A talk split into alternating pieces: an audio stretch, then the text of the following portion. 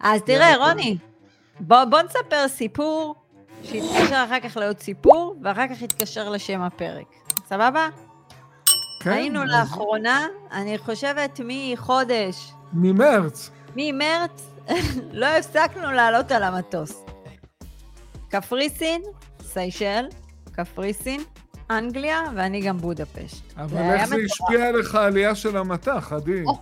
או, איך זה השפיע עלינו. זה ייקר לך את הנסיעות. אז אני רוצה להגיד לך שזה לא ייקר לנו נו. את הנסיעות. אתה רוצה לדעת למה? למה? כי קודם כל אנחנו שילמנו עם כרטיס אשראי במטבע המקומי.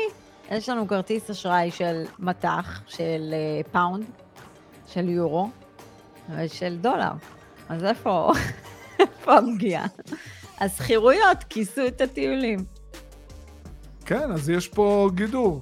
ואם פתאום ה- השקל ייחלש ב-20-30 אחוז נוספים מול המטבעות המובילים, זה עדיין לא ישפיע.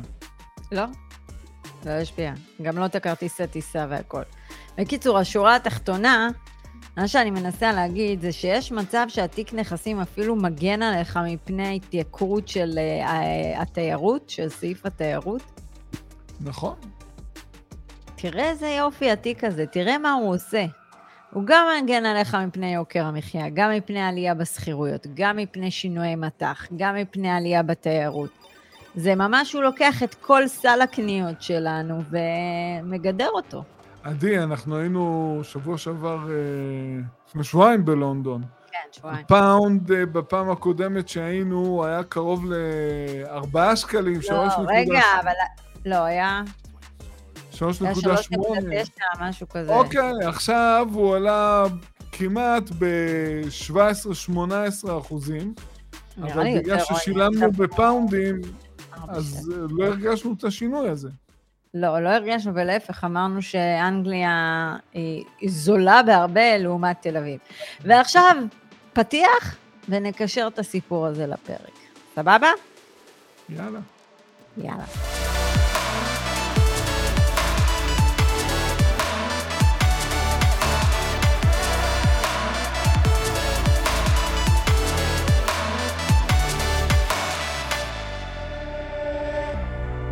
שלום לכולם, עדי בן אדר דהן, רוני אגה, צוות Family Exit בתחתית. הסרטון, יש לכם לינקים לאינסטגרם, לערוץ היוטיוב, לספוטיפיי, רשימת תפוצה, מדריך חינם מחינם גם למטה, הדרכה אה, אה, של 13 שיעורים, שהיא גם נמצאת למטה בלינק, אה, כדאי לכם מאוד להיכנס, זה נקרא Back to Basic לדעתי, קורס נדל"ן, קורס מימון, שיחת ייעוץ, ואני סיימתי לאכול את הראש, הכל נמצא בדיסקריפשן למטה, כפתור קטן, נפתח לכם שלל לינקים, תלחצו, תבואו, תעקבו, אין ותיישמו. סיכוי, אין סיכוי בעולם שהייתי זוכר את הפתיח הזה בעל פה. היה לך קטיעה של הזה, אבל בסדר, הבינו מה רצית להגיד, שאין סיכוי שבעולם שהיית זוכר את כל זה, נכון? אוקיי, נכון. אוקיי, בסדר. אוקיי, אז רוני, תראה, יש לנו פרק של היום אנחנו נלמד אתכם איך לתזמן את שער המטח, את שערי החליפין. יש לנו עדי, נוסחה מאוד אה, פשוטה, אבל יש לנו נוסחה מאוד פשוטה, תשאיר אותה לסוף, את הפאנץ' הסופי. עדי, אה, יש לי איזה סוג של ניחוש, יכול להיות את מושפעת אה, בניחוש הזה מהביקור בבית של הודיני בשבוע שעבר בבודפסט. בוודאי. אני... אוקיי, אז בוא נשמע אם את יודעת איך לתזמן. אני יודעת איך לתזמן, אבל לפני שאנחנו אוקיי. נגיד לכם איך מתזמנים, רוצים לספר סיפור. בינואר האחרון הגיעו אלינו זוג חמוד לשיחת ייעוץ. אתה רוצה שאני אגיד לך מה היה שער הפאונד שהם הגיעו לשיחת ייעוץ? כי אני בדקתי. כן, מה היה? 4.14. ובשיחה עצמה, נורא הפריע להם הקטע שהפאונד באוגוסט 22 הגיע ל-382. הם נורא פחדו. לעשות השקעה בפאונד של 4.14, ואז הוא יצלל חזרה ל-3.82. הגיוני? מפחיד? מפחיד. אז מה הם רצו לעשות אחרי, uh, תוך כדי השיחת ייעוץ והכל? הם אמרו, שהם יתזמנו. כן, הפעם תחזור לרדת, ואז הם ישקיעו. מצוין, רוני. לפני שבועיים הם כתבו לנו מייל, ובמייל הם רשמו שהם רואים שהפאונד רק הולך ועולה, והם לא יודעים מתי הוא יעצור, כי מי יודע מתי הוא יעצור, אוקיי? והם אמרו, האם כדאי עכשיו אה, להיכנס, או שהם ימתינו כדי שזה יחזור להיות 4.14. אז לפחות הם העלו את הרף מ-3.8 ל-4.14. שאלה, איפה הרף הבא יהיה? מה? זה מזכיר לי כאלה ששקלו להשקיע, שהפאונד היה 3.8, אמרו, רגע, אולי נמתין עוד קצת, הוא יהיה 3.6 או 3.5. לא רק זה, כי גם אמרו כלכלנים שהוא יקרוס. רוני. יקרוס, אוקיי. יקרוס, אוקיי. עכשיו, אנחנו, נ... שתבינו מהסיפור הזה, כמובן שהם עד עכשיו לא השקיעו, כן? כי הם עדיין מנסים לתזמן. עכשיו הם רוצים את התחתית הזה. אולי התחתית הבאה שלהם תהיה אשכרה מה שקורה היום, 4.7. לך תדע. אבל תראה מה זה, סתם לדוגמה, אתה יודע מה, הנה מחשבון בידי, נניח 500 אלף שקל, היה יכול להיות להם בינואר 120 אלף פאונד. נניח היום הם באים עם אותם 500, ה-500 האלה קונים 4.7, 106 אלף פאונד. כבר 14 אלף פאונד. המזל שלהם זה שהיה עלייה חדה בשכירויות, וגם העלייה בשער השקלי מותירה אותנו עם אותו סכום של שקל מבחינת אה, אה, קבלת שכירות. זה המזל. אבל זה יכול להשתנות, זאת אומרת, עד מתי הם ימתינו, אלוהים יודע. ואתה יודע, זה מביא אותנו לנושא הזה, זה בעייתי. אז איך מתזמנים את שער הפאונד, רוני? רוצה שאני אגיד לך איך אודיני עושה את זה? נו. No. על ידי טריק מאוד פשוט, רוני. אין יכולת לתזמן את שער המטח. ברגע שאתם תיקחו את הטיפ הזה, תפנימו אותו, אתם תצליחו להשקיע. בלי להתייחס לשער הפאונד. נכון, אי אפשר... הנה, יש, יש לי נוסחה. הנוסחה זה לא להסתכל על שערי המטח. עדי, יש, אה, אני מכיר אה, רבים שמשקיעים בשוק ההון בוול סטריט, ומן הסתם זה השקעה בדולר, זה במטח. נכון, נכון. וכל חודש, כל החיסכון שהם צוברים, הם מעבירים להשקעה בשוק ההון, במדדים, ב-Standard and Poor's, הכל. הם כל חודש משקיעים בדולר. הם מושפעים מהשינוי בשער חליפין, אז מה לעשות? אבל יוצא להם שער ממוצע, מה זה משנה?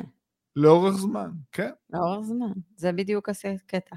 בואו נמנה את הסיבות שמשפיעות על השערי מטח, זאת אומרת על שער החליפין של השקל למול הדולר. אגב, מי שלא ידע, הספירה היא שקל מול דולר, ואז בעצם איך, איך בעצם אה, מחשבים את ההפרש של פאונד מול השקל, של היורו מול השקל, זה בעצם מה הדולר עושה מול הפאונד, מה הדולר עושה מול היורו וכן הלאה וכן הלאה. אנחנו, בגדול, שתדעו שמדינת ישראל סך הכל מסתכלת על דולר אה, שקל. זה כאילו, ה... זה המדד.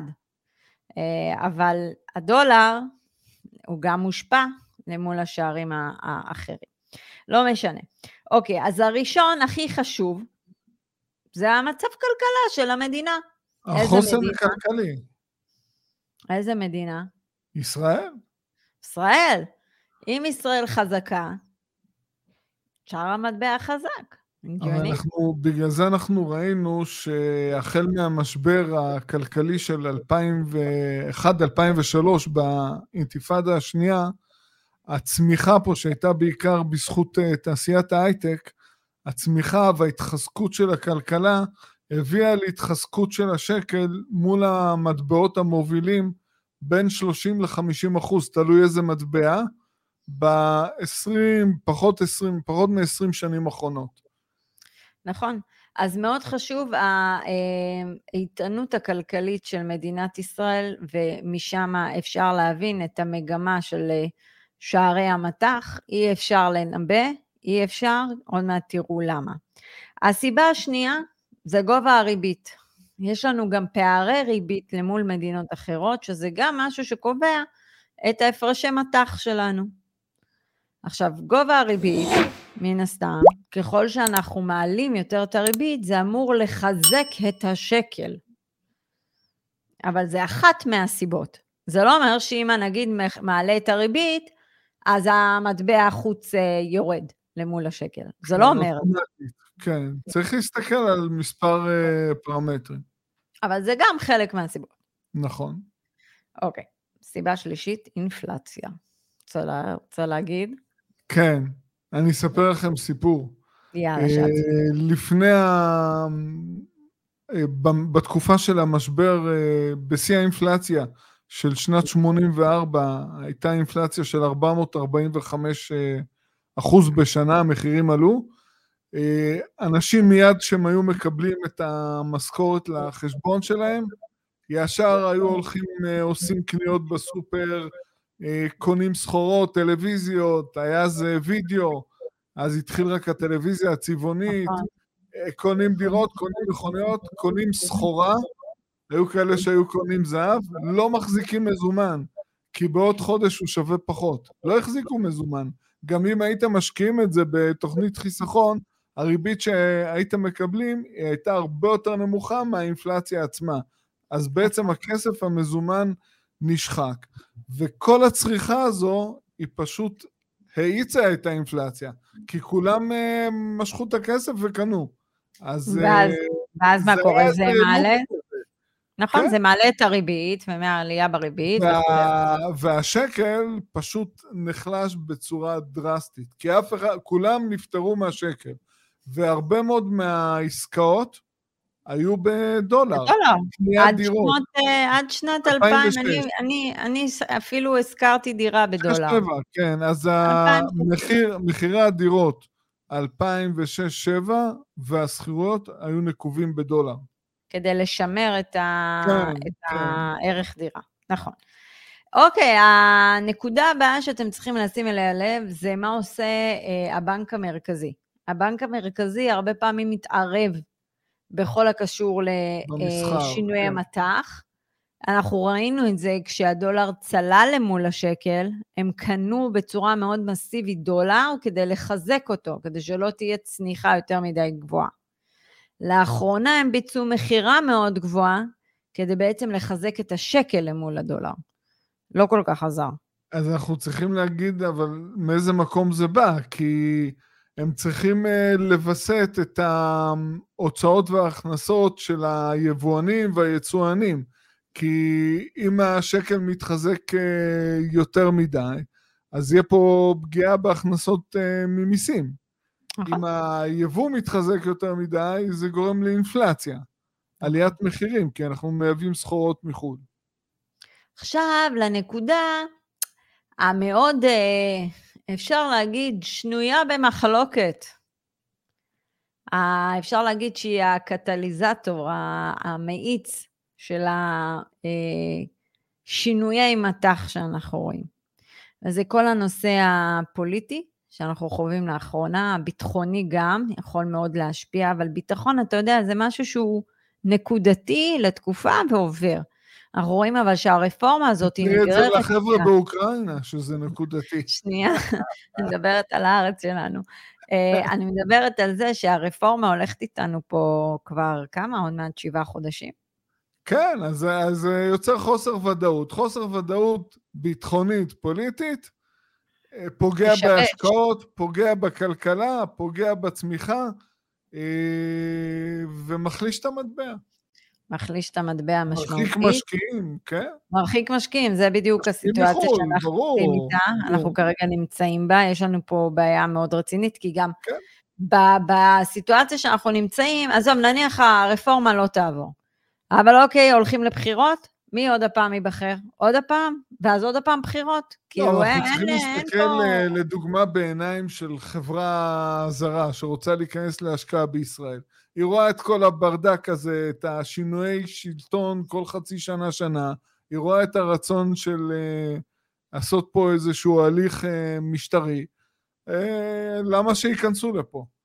זה בדיוק, עדי, זה בדיוק מזכיר את התשובות שלנו למשקיעים ששאלו אותנו עד לפני שנה וחצי, שנתיים, למה אתם לא מלווים משקיעים אה, להשקעות בקייב, יש שם תשואה משכירות של 9 אה, אחוזים.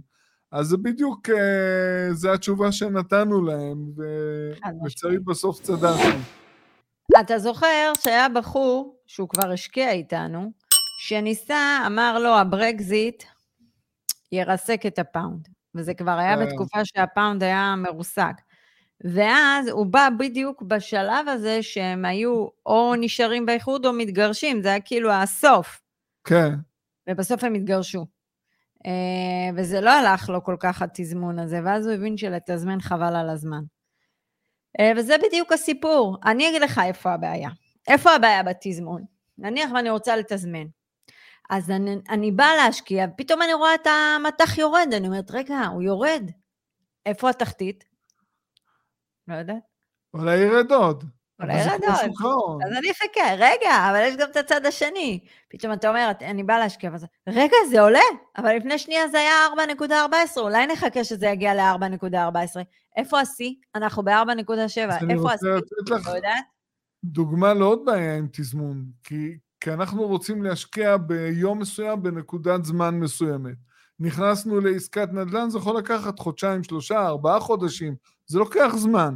ברגע שהגענו ליום שאנחנו צריכים לשלם, אנחנו מספר חודשים מראש יכולים לנחש מה יקרה בתקופה הזו. אולי עוד פעם התפרצות של קורונה, אולי אה, משבר ביטחוני, האיראנים, לא יודע. איך, איך אפשר לתזמן את זה? לא יודעים כלום. הרפורמה תעבור ונגיע לחמישה כן, שקלים של הפאונד, רוני. אי, אי אפשר לתזמן. אבל יש רק דרך אחת שאנחנו יכולים לתת לזה מענה. לא לשים את כל הביצים שלנו בסל אחד. דירת מגורים בישראל, כסף בשוק ההון בישראל, בבנקים בישראל, דירה להשקעה בישראל. אה, זה לשים את כל הביצים במטבע אחד. אז זה אוקיי. עבד לא רע ב-20 שנים האחרונות, אבל היום זה נראה פחות טוב. לכן אוקיי. מאוד חשוב, כן, כן, עדי. אני רוצה להגיד משהו, כי אנחנו כן. רוצים לקצר את הפרק הזה. אמ, אתה זוכר שאני ואתה קנינו בניין בסוף 2021, נכון. נכון. ו- והגיע לנו כסף, ופתאום במקרה תפסנו מטח, אה, הפאונד ב-4.09. מושלם. אבל זה ירד מעט גם, נכון? 3.8. יכולנו להיכנס להיסטריה. לא נכנסנו להיסטריה. לא. היום אנחנו עומדים כבר לקבל את המשכנתה על הבניין, ואנחנו לוקחים רק 70 אחוז. לא מאה אחוז, אבל אתה יודע מה קרה בגלל העלייה בשער המטח? נו. No. מבחינה שקלית, כי אנחנו מחזירים את הכסף הזה הביתה לכסות הלוואות שקליות, אה, קיבלנו 200 אלף שקל אקסטרה להשקעה שעשינו. איזה תותחים. איזה תותחים, יאללה. מה זה תזמון? אתה ידעת, אתה ידעת שנתזמן את זה? שום דבר, זה לא אכפת לי. ואתה יודע מה? גם יכל להיות שה-70 אחוז האלה היו באים אלינו ב-3.8, נו, והיינו נכון. ממשיכים לבכות? לא. לא. מה? הדולר ירד לי ולך ב-90 אגורות, בכינו? לך ירד אה. הפאונד בשקל וחצי, בכית. אה, לא, המשקיע, המשקיע, צריך להבין שני דברים. דבר ראשון, שזמן זה משאב שהוא מתכלה, הוא מוגבל וצריך לנצל אותו וכל הזמן צריך להשקיע. הדבר השני, הוא צריך להסתכל על התמונה הסופית. ובתמונה הסופית הוא חייב לייצר הכנסות אה, פסיביות ממספר שווקים, להיות עם אה, הון בנכסים במספר שווקים, במטבעות מובילים אה, שונים. ואז נכון. בעצם אה, פעם המטבע הזה עולה ויורד, פעם המטבע השני עולה ויורד, אבל בסך הכל הוא מגודר. נכון. טוב, יאללה, משפט סיכום. אתה אמרת את המשפט סיכום, אני אגיד דבר כזה, אף אחד לא הודיני, לא במטח, לא במחירי הנדל"ן, לא בשום דבר, וגם הודיני, היו לו טריקים, אוקיי? הוא לא עשה את זה, זה, זה לא באמת קסם. כן. אין קסמים. אז תפסיקו כל הזמן לחפש תירוץ. אתה יודע, זה תירוץ. כן, אני אחכה, אני תירוץ למה לא?